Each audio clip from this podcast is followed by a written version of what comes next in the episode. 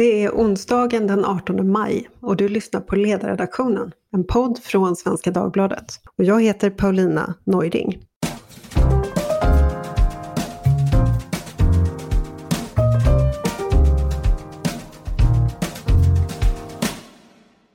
Hon är gymnasielärare och skribent och doktor i pedagogiskt arbete. Och nu har hon precis fått ett väldigt fint pris, nämligen Sven-Georg Erikssons hederspris för sitt arbete. Anna-Karin Wyndham, välkommen till ledarredaktionen. Stort tack! Anna-Karin, du har precis fått Sven-Georg Erikssons hederspris för ditt arbete. Vem, var, eller vem är Sven-Georg Eriksson, om man inte vet? Jo, han är en eh, adjunkt i filosofi, matematik och fysik. Eh, som nu är han pensionerad sedan väldigt många år. Men han har under hela sitt lärarliv engagerat sig väldigt mycket för just undervisningen, för lärarrollen och för, som han säger då, kunskapsskolan. Och han började tidigt reagera mot eh, de försämringar man gjorde av svensk skola där ämneskunskapen eh, skåpades ut och istället handlade allting om hur läraren undervisade. Mm. Eh, och han har varit modig i debatten skulle jag säga och varit en mycket tydlig röst i eh, att ge argument och styrka de lärare som faktiskt försöker bjuda de här, eller har försökt bjuda flumidéer motstånd. Mm.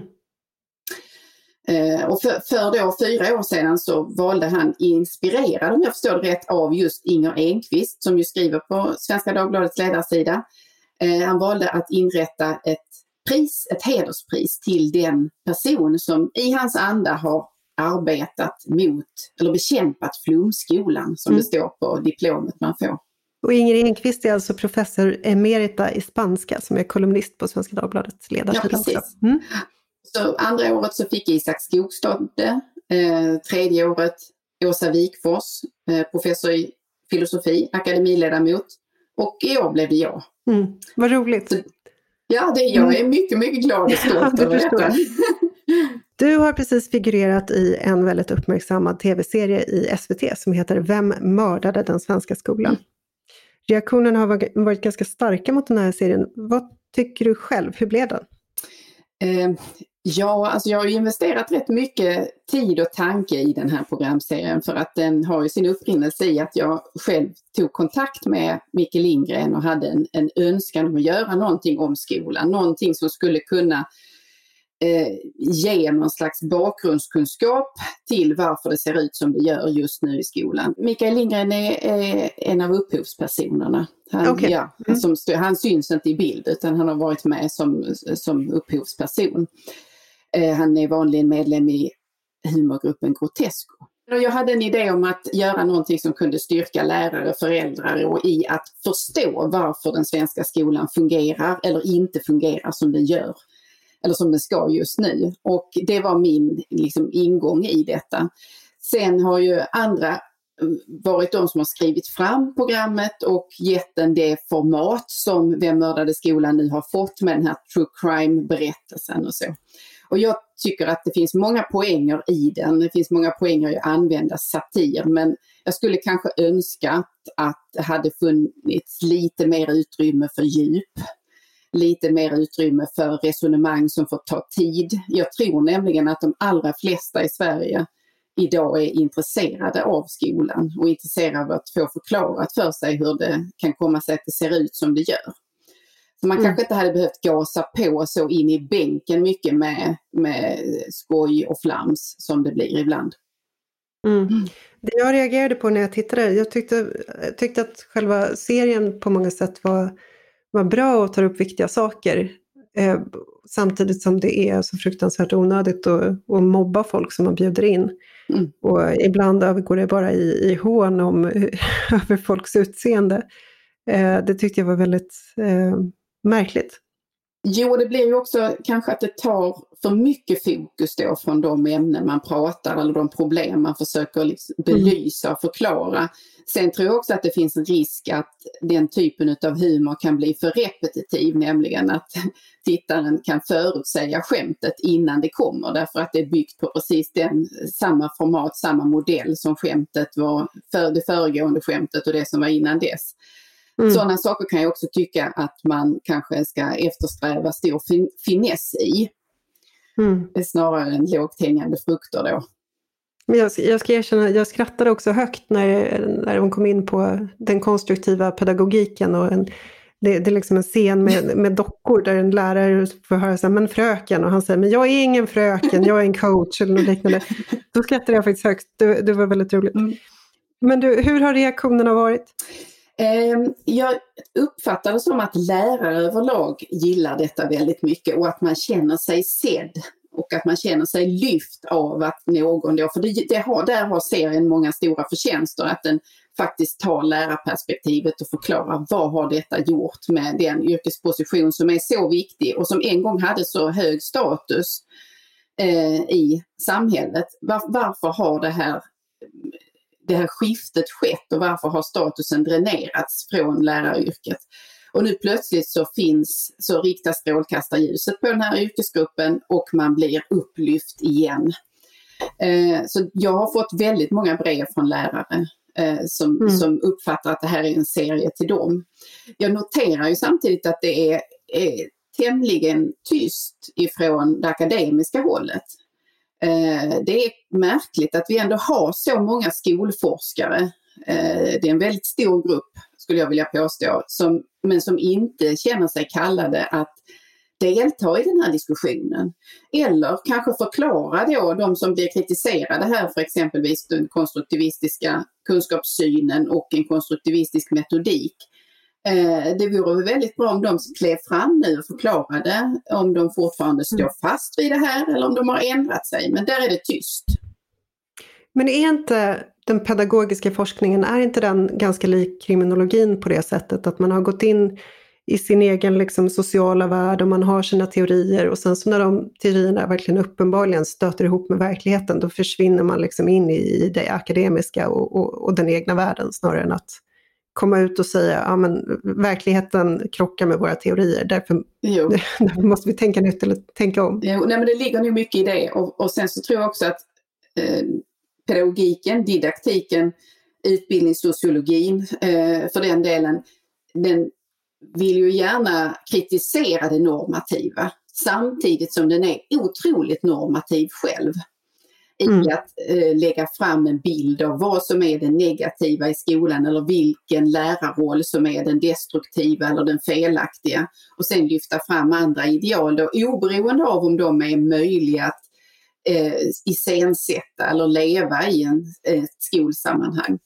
Och mm. Där har vi väl den krocken nu då att deras normativa idé av vad skolan var på väg mot, det gyllene landet där frälsningen långt bort, det, det är inte så många som är villiga att trampa på i den riktningen längre.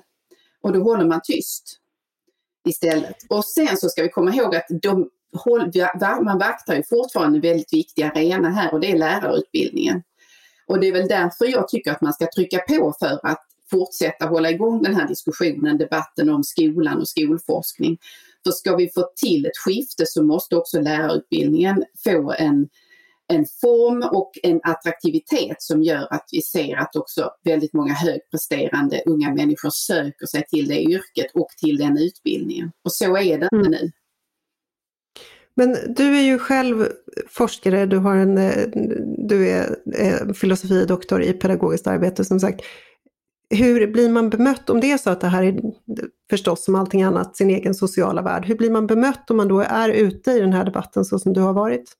Är det lite socialt knepigt kanske? Ja det är det och det, man hanterar det genom att inte säga något. Genom att låtsas om som att den här serien inte finns.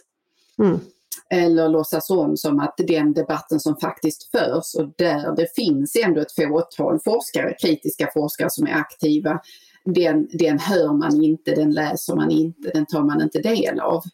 Eh, och det, där ser vi ett mönster som går igen också med hur alltså kritiska böcker, alltså eh, granskningar som gisslar delar av vetenskapen, om de inte då är producerade inom våra vanliga stuprör av peer review-system eh, och har gått igenom det, då, då negligerar man det och säger att det äger ingen giltighet, det säger ingenting om vår verksamhet bara det som har gått igenom våra egna kvalitetssystem behöver vi läsa och ta fäste eller ta vakt vid. Mm. Ja, så där är det ju tacksamt säkert att serien så lätt det är lätt att avfärda den givet att den är gjord på, med det tilltal som den är gjord med. Ja, precis. Och det, det, är ett av skälen till att jag hade önskat att den hade i alla fall en portion mer allvar i sig därför att då hade den verkligen varit tvungen att, att uh, lyftas fram också i sådana sammanhang. Mm. Du har själv skrivit en krönika i tidskriften Fokus nyligen där du, är, du tar fram din avhandling som är nu tio år gammal mm. och granskar den kritiskt mm. och eh, till och med kritiserar, ja, kritiserar din egen avhandling. Mm. Eh, berätta. Eh, jag, eh, avhandlingen handlar ju om i vad mån man i gymnasieskolan tränar elever i kritiskt tänkande eller inte. Eh, därför att läroplanen stipulerade att man skulle göra det. Och eh, jag satt ju då och observerade tim, ja, terminsvis undervisning och bokförde hur lite man då, tyckte jag, ägnade sig åt detta och hur mycket man istället ägnade åt att berätta om Eh, de litteraturhistoriska epokerna, eh, de stora författarskapen och så vidare. Typiskt liksom någon slags eh, grundkunskap gav man eleverna då. Man grundade eleverna i vad litteraturhistoria är. Och så landar jag i en kritik av detta i eh, då min avhandling. Eh, och när jag sen tittar på den tio år senare så tänker jag att oj vad jag var influerad av eh, Eh, min egen ämnesdisciplin och de teorier som var i svang då och som fortfarande är i svang. Där, nämligen där man huvudsakligen sikt, ställer in siktet på att kritisera den lärare som instruerar, som berättar och som förklarar och förmedlar. Och istället så sökte jag hela tiden efter att läraren bara skulle ge över hela handlingsutrymmet, talutrymmet till eleverna. Men saken är ju den att det är väldigt svårt att vara kritisk mot någonting om man inte har någon särskild ämneskunskap i det du ska vara kritisk mot. Då är det ju liksom bara fritt spån egentligen. Mm. Eh, om man tycker lite sådär i största allmänhet. Kritiskt tänkande är ju någonting mycket mer avancerat. Och för det fordras att du har domänkunskap. Så att jag gisslar lite min egen infärgning där av de teorier som har varit en del i att, att skolan har, vad ska man säga, ja, skjutits i en riktning som har gjort att vi har mycket mindre grundkunskaper hos eleverna och en lärarroll som är ja, sido, sidosteppad helt enkelt. Mm. Vad jag förstår så är det rätt eh, vetenskapligt belagt för det här laget att det här med kritiskt tänkande, det är inte någonting man kan lära sig i största allmänhet utan det kommer med ämneskunskaper. Ja, precis. Och det, det är så som Eh, kunskap förvärvas eller tas in, att du måste på något sätt ha domänkunskapen först och därefter kan du i relation till den domänkunskapen utveckla en förmåga till kritisk reflektion, kritiskt tänkande och möjlighet att göra dra självständiga slutsatser möjligen och så. Sen så finns det ju ett annat problem i det och det är ju att vi har trott länge att också väldigt små barn, tidigt i skolgången så ska man kunna eh, träna, eh, man träna på det kan man kanske, men man ska kunna så att säga leva detta och ge uttryck för den formen av avancerat kritiskt tänkande som i bästa fall, säger jag, i bästa fall kan man nå det någonstans på gymnasiet eller kanske i, under sina akademiska studier. Mm. Men du som kan den här eh, världen, finns det någon väg tillbaka? Kommer lärare acceptera att gå tillbaka till en klassisk lärarroll där läraren faktiskt inte är coach eller mm. mentor eller någon liksom eh, bollplank utan där man är på riktigt är lärare och den som kan någonting och den som vet någonting och som har någonting att förmedla? Ja, alltså jag tror att det, det, det, vi måste bort från det där att det är antingen eller. Att det är en, en lärare, och det vi, vi ska röra oss mot är en lärarroll som aldrig någonsin använder grupparbete eller så. Det är ju ingen vettig människa som argumenterar för det därför att det finns ju naturligtvis situationer när det lämpar sig ytterligt väl att eleverna arbetar självständigt, individuellt eller i mindre konstellationer, ibland till och med i någon större konstellation och där läraren faktiskt är mer utav en sidofigur än huvudaktör. Det, problemet är de här tvära kasten, alltså att det, det alltid ska vara 100% av det ena eller 100% av det andra. Så att det jag, ser, det jag önskar mig och jag tror är alldeles nödvändigt är att vi får en balansering i detta så att inte en, en nybliven lärare känner sig skamsen när man ställer sig inför en klass och pratar i i 15 minuter och håller en genomdragning utan ser att det fyller sin funktion det också. Mm. Och på mikronivå då? Du, du är ju själv gymnasielärare. Kan man ställa sig i klassrummet och säga det här är vad jag har, för, har att förmedla och nu är det viktigt att ni lyssnar. Och de här årtalen ska ni kunna och de ska ni inte problematisera liksom, utan det är de som gäller och så vidare. Går det att göra så? Alltså, min första fråga gällde liksom makronivån, går det att återinföra den lärarrollen? Men på mikronivå i klassrummet, är det möjligt där idag? Ja, det tror jag. Eh, det, det, innebär nog, alltså det är många lärare som vittnar om att de har försökt att göra så, men att de får bassning av en rektor som har eh, blivit frälst på någon eh, konsultföreläsning eller något liknande där man talar om att det, det, det enda de behöver är varsin iPad. Och mm. eh, sen så behöver inte du så mycket förberedelsetid på din undervisning därför att allting finns ju i iPaden. Så att lärare som bjuder motstånd mot det där tankesättet har haft en rätt så styv tid, skulle jag säga. Mm också de som har eh, försökt att argumentera inom lärarutbildningen för att det är rätt att stå och tala ibland och faktiskt hålla en föreläsning har ju fått eh, liksom pekfingret då och säga att, och fått höra att eh, minimum, eh, du ska, eller du ska absolut inte stå och prata längre än sådär 8-10 minuter därför att längre klarar de inte. Så att vi, vi har ju krafter som har tryckt lärarna bort från det sättet på mikronivå också. Eh, men jag är ändå, jag tror ändå faktiskt att de allra flesta lärare som vågar lita till sin lärarerfarenhet vet att det där är det sättet som ibland är det enda sättet att förmedla en viss sak. Mm. Mm. Ja, du kommer in på det här som jag tänkte fråga om, de här konsultföreläsningarna och plattorna och edtech-företagen som liksom täljer guld i skolan. Mm.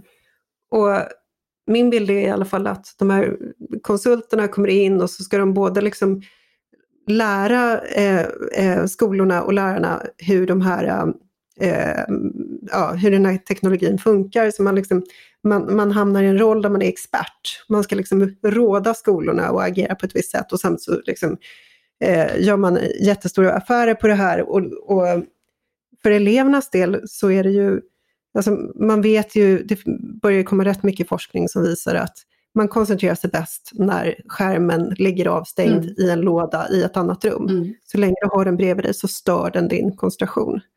Eh, hur, hur, hur upplever du det här eh, krämandet av teknologi i skolan? Ja, nej, det, där är man ju i stycken eh, fast vid de avtal man har slutit eh, i, i form av att de här tjänsterna eller de här verktygen ska fortsätta att användas och nyttjas över tid och det finns inte några nya pengar att köpa läromedel för eller att växla ut de här mot något annat. Eh, och det, det är ett väldigt stort problem som jag ser det, att man har trängt ut en massa andra resurser med hjälp av de här mindre begåvade avtalen. Sen tror jag också faktiskt, det är inte så många som tänker på det kanske, men att det är också Skolverket har ju en väldiga massa lärplattformar och matrissystem och liknande som Alltså det här är ju en del av den enorma dokumentationsbörda som lärare idag är slavar under. Och där eh, lärare måste ägna en väldigt stor tid åt att fylla i de här, använda de här och det skäl ju också det tid från eh, de timmar då lärarna annars skulle kunna planera undervisningen eller ägna sig åt att utforma ett prov på något annat sätt eller utforma studiematerial på ett annat sätt än att man gör ett snabbt ihopklistrat kompendium med lite bilder man har plockat från nätet och några lösryckta meningar som ska förklara vad det här landets kännetecken är eller eh, vad det där, eh, det där naturfenomenet har för kännetecken och så. Och det tror jag nog många av de föräldrar som lyssnar här känner igen att barnen kom plötsligt inte, de kommer inte hem med böcker eller de kommer inte hem med mm. studiematerial som är lätt för dig som förälder att ta del av och förstå och hjälpa med. Utan istället är det väldigt ad hoc allting. Det är hoprafsat snabbt, det kan till och med innehålla ett eller annat stavfel eller skrivfel. För läraren har mm. gjort det under väldigt tidspress. Och mm. det är ju på det sättet på grund av det du just tog upp, nämligen att pengarna har gått till de här lösningarna, eh, digitala lösningarna som skulle lösa allt, som skulle göra allt annat överflödigt. Men det här hänger ju för mig samman med att Sverige är så, vi har den här bilden av oss själva som är så oerhört moderna och vi ska hoppa på det som är modernt och vi liksom kastar oss över det här till synes utan någon som helst reflektion. Mm. Och det är en gigantisk experimentverkstad just nu med små barn. Vi, liksom, vi börjar se nu vad effekterna är på hjärnan och på koncentrationsförmågan och så vidare av skärmarna. Eh, ändå så har man liksom kastat sig över det här på något mm. sätt. Och det här är den enda vägen och det är mm. liksom digital kompetens och allt det där. Eh, tror du att det kan bli en, en reaktion, en backlash? Ja. Så som det blir i Sverige med jämna ja, mellanrum. Man, går liksom, man springer åt ena hållet och sen springer man åt andra hållet. Jo men jag tycker mig, det, det, det ser vi ju faktiskt i, på båda de politiska flankerna här att man har backat ifrån de, de här framtidsutopierna som i, i mycket hög grad gav den här utvecklingen inom skolan, både vad gäller pedagogiken, metodiken och digitaliseringen. Eh, där den berättelse som tidigare alla i princip tillbad skulle jag vilja säga, nämligen att eh, nu, nu när det digitala kommer så vet vi inte längre vad är bildning. Vi vet inte längre vilka kunskaper som kommer att vara varaktiga över tid. Allting ändras så snabbt. All kunskap ändras så snabbt. Och nu har man någonstans sansat sig då och de som var kritiska redan då har fått rätt i att ja, så är det ju inte riktigt utan Eh, det, det, är inte alls på det sättet att det är svårt att säga vad är så att säga stommen i bildning eller vad är det bildningskapital som man rimligen bör rusta eleverna med för att de ska kunna klara sig och navigera i det liv som väntar dem sedan. Ehm, och jag tror att det är lite, det, där ser vi samma med de här det, det, bottenlöst naiva tilltron till att ungarna skulle kunna hantera ha mobiler inne i klassrummet. Mm. Eller att de skulle kunna lika gärna söka i Classroom på mobilen som att de då använder en dator eller använder de andra verktygen som skolan ger dem. Det, det, jag har själv suttit med som eh, bedömare av lärarstudenter och sett hur eh, halva klassen sitter och går på sina mobiler och det är inte i studiematerialet de är. Men de säger det till lärarna därför att de har ju tillgång via nätet då till den här studien. Mm. Och det, det gör ju att läraren står inför ett i princip omöjligt uppdrag. Men där, där, där är ju ändå ett visst skifte i detta där vi nu har möjlighet att förbjuda sådana saker inne i klassrummet och sånt där. Och det är väl, det, ja, sent ska syndaren vakna där tänker jag. Mm. Ni går igenom väldigt mycket i den här serien. Ni pratar om förstås då friskolereformen, den, den så kallade fria eh, marknadsskolan, kommunaliseringen av skolan, eh, kunskapssynen i 94 års läroplan, alltså det, migrationen, det är så mycket här. Eh, hur, vad är det man ska förstå när, när man tittar på den svenska skolan? Vad, vad, vad är liksom de viktiga de viktiga dragen här för att förstå vad det är som har hänt. Alltså, frågan är ju befogad här. Mm. Vem mördade den svenska skolan? Eller i alla fall, vem förstörde den svenska skolan? Mm. Vad, är, vad är liksom... Nej, men, jag, jag brukar tänka att det är det, precis som i konklusionen här också, det är ju inte en sak som eh, förstörde den svenska skolan utan det är ett pärlband eller en kanonad av reformer, framförallt under 90-talet. Men sen, det, sen har det där fyllts på med ytterligare reformer och liknande, då, eller liknande ingrepp i skolan som har ytterligare saboterat grunden för den skola som faktiskt fungerade väl en gång i tiden.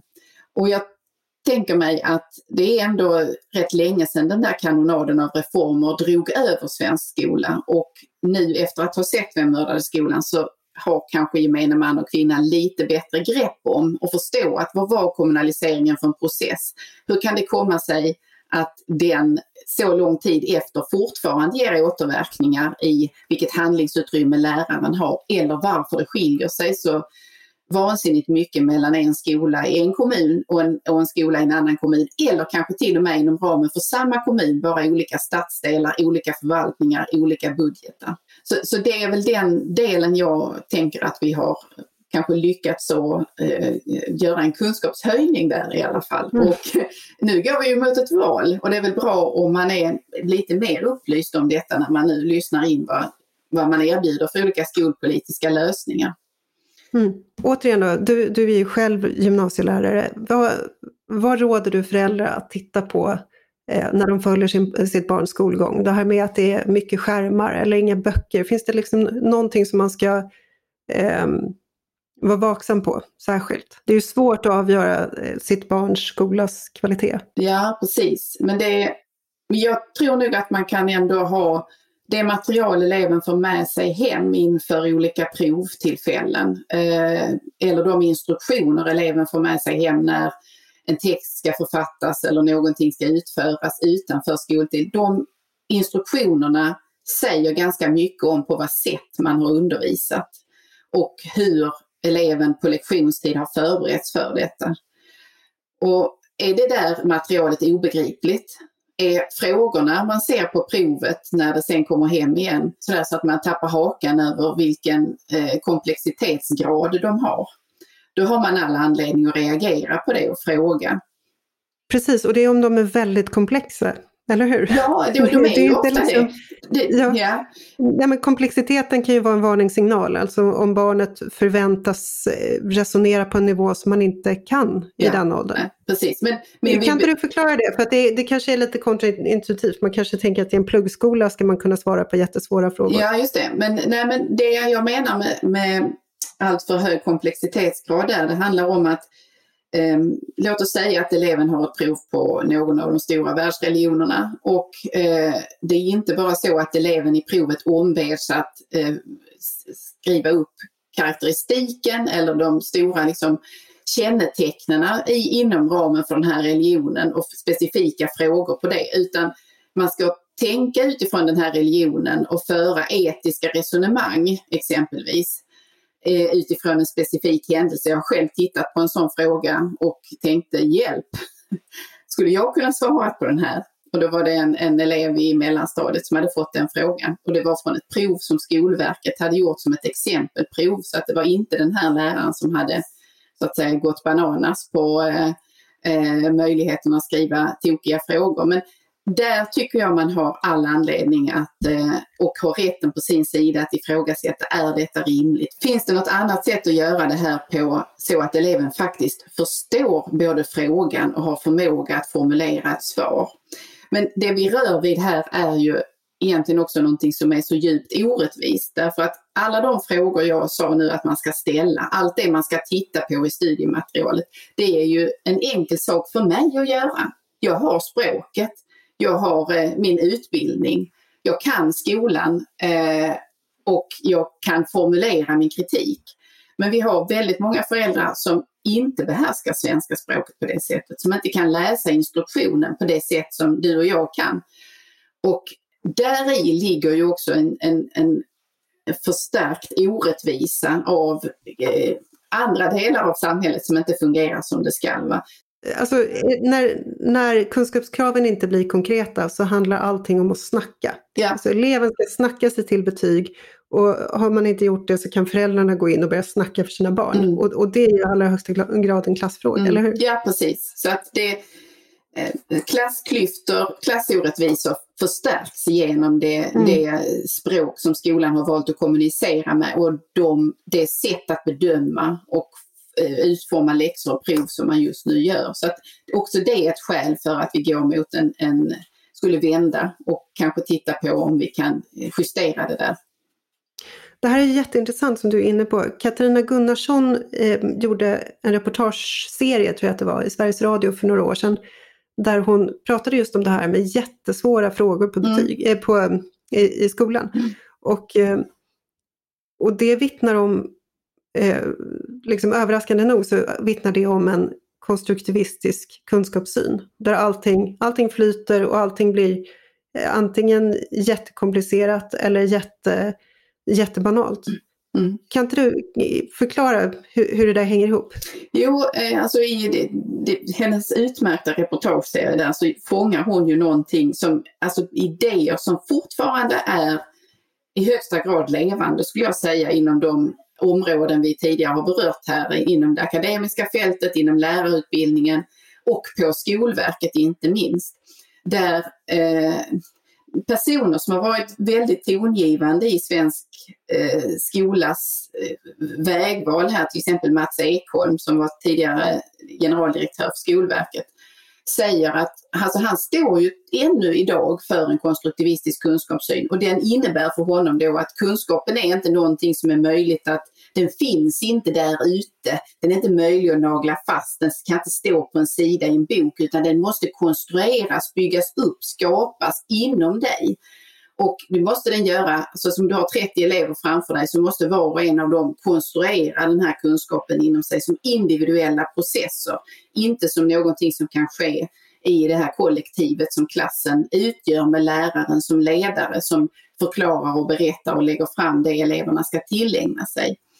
Och i det synsättet ligger ju då att en sån sak som, det här exemplet tar han för övrigt i den där reportageserien, en sån enkel sak som lika med tecken när du räknar.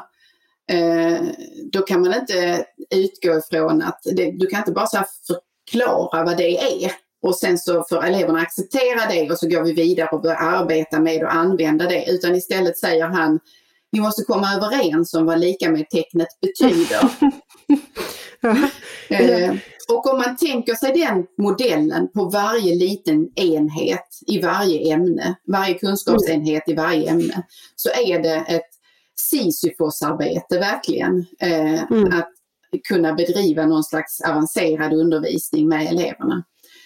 Eh, och sen lägg då det till att du har bedömningskriterier och kunskapskrav som efterfrågar en mycket hög grad av komplexitet i ditt kunnande och i ditt vetande. Så att på samma gång som du måste etablera alla de här basgrejerna så ska du upp på högsta nivå i kritiskt tänkande, analysförmåga slutledningsförmåga och så vidare. Mm. Sen, det, det, är en annan del som det gör att det är skäl att vara kritisk mot det konstruktivistiska, det är ju att den gärna slår över i en lätt relativiserande eller kunskapsrelativistisk syn. Där man inte säger att det finns fakta i sig, utan det som finns är perspektiv, det som finns är kontext och så vidare. Och Det gör ju också att läraryrket inte bara tappar i attraktivitet utan blir hart när omöjligt skulle jag säga. Jo, och, sen så, och, och det är så uppenbarligen inte sant. Och det, det märks att nej men, de, de, de, som förespråkar det här synsättet tror ju egentligen inte på det själva. Det är ingen som undervisar om förintelsen och säger låt oss tala olika perspektiv på den här händelsen, eventuella händelsen. Utan när det verkligen är på riktigt, när det verkligen gäller så vet man ju att liksom, vissa saker får vi vara överens om från början, ja. annars går det inte att prata. Nej. Det gäller lika med tecknet och det gäller liksom mm. historiska händelser. Mm. Men om man lyssnar på det här och är förälder och känner att man känner igen det här, eh, säg att mitt barn går i en skola med en konstruktivistisk kunskapssyn. Man tycker att det är lite väl mycket skärm. Eh, vad, vad, ska man, vad, vad gör man konkret? Förutom att börja shoppa efter en ny skola, vad, vad kan man, hur, kan man liksom, hur kan man hjälpa? Jag tror att det, det finns tyvärr en benägenhet hos många föräldrar att också, man kanske, blir, man kanske är lite trött så man köper en del av de där resonemangen och det är ett problem för den förälder som ser att det är fel och att det leder fel. Um, men om man är omgiven av en grupp föräldrar som, som också ser detta så är det ju mycket mer kraft om man kan slå sig samman och bilda opinion lokalt på skolan och föra det uppåt i systemet. Inte bara eh, mot den lärare som undervisar utan också mot rektor, för rektor är pedagogiskt ansvarig för verksamheten. Så, så har jag själv gjort när jag har varit, eh, vänt mig mot någonting eller eh, opponerat mot något underlag till ett prov och sådär. Jag, jag trycker det uppåt i systemet för jag vet att den enskilda läraren är eh, lämnad till de resurser skolan har att köpa in studiematerial exempelvis. Så, så, kritisera läraren när det finns fog för det men tryck det också uppåt i systemet, är mitt råd till, till föräldrar. Eh, sen tror jag också att man ska tänka så här att man inte försöker alltid argumentera utifrån bara sitt barn och säga att det är, det är min unge som inte klarar det här eller så. För att det, det, du har mycket större kraft i ditt resonemang om du kan föra fram argument och exempel som visar att det här gör det för gruppen sämre än om man hade haft ett annat upplägg eller ett annat studiematerial och så. Vi har alldeles för många föräldrar som, som så att säga går rakt in i skolan och kräver en enormt hög anpassning för just sitt barn. Men kan man liksom mm. zooma ut lite och se vad gör detta för gruppen? Vad innebär detta för klassen eller för när de går över till mellanstadiet eller när de går över för högstadiet? Då har du ett bättre och liksom eh, ett, ett solidare argument skulle jag säga. Vad finns det för, eh, om du skulle tipsa om någon eh, forskning eller något arbete som man kan visa upp då när man, när man kommer till skolan med de här kraven? Ja, det beror på vad tänker du då kravet är, alltså att man ändrar sättet att undervisa på. Mm, ja. Ja. Eh, nej, ja, då, då, har jag faktiskt ett väldigt bra eh, förslag här. Nu närmar sig skolavslutningen och då tänker jag att man skulle kunna till sin lärare kanske köpa ett exemplar av Filippa Mannerheims bok Undervisningskonsten som är en mycket pedagogisk och god genomgång av hur man kan strukturera undervisning, hur man kan eh, väva in eh, berättande, eget arbete, men utan att för den skull tappa greppet om gruppens kunskapsutveckling och eh, kliva åt sidan som lärare. Så det är en väldigt god handledning som jag hoppas att man skulle kunna använda på lärarutbildningen, men det tror jag är en, en eh, omöjlig dröm att få besannad. Men vi kanske kan gemensamt ge den till de verksamma lärarna istället i sommarpresent. Mm. Bra och konkret tips. Filippa Mannerheims Undervisningskonsten. Mm. Anna-Karin Windham, varmt grattis igen till ditt fina pris och tack för att du kom till ledarredaktionen. Tack ska du ha. Tack. Och tack till dig som har lyssnat på ledarredaktionen idag. Jag heter Paulina Neuding. Vår producent idag var Jesper Sandström som vanligt. Hör jättegärna av dig till oss om du har förslag på någonting som vi ska ta upp framöver eller om det är någonting som vi ska tänka på nästa gång. Tack så mycket och vi hörs snart igen.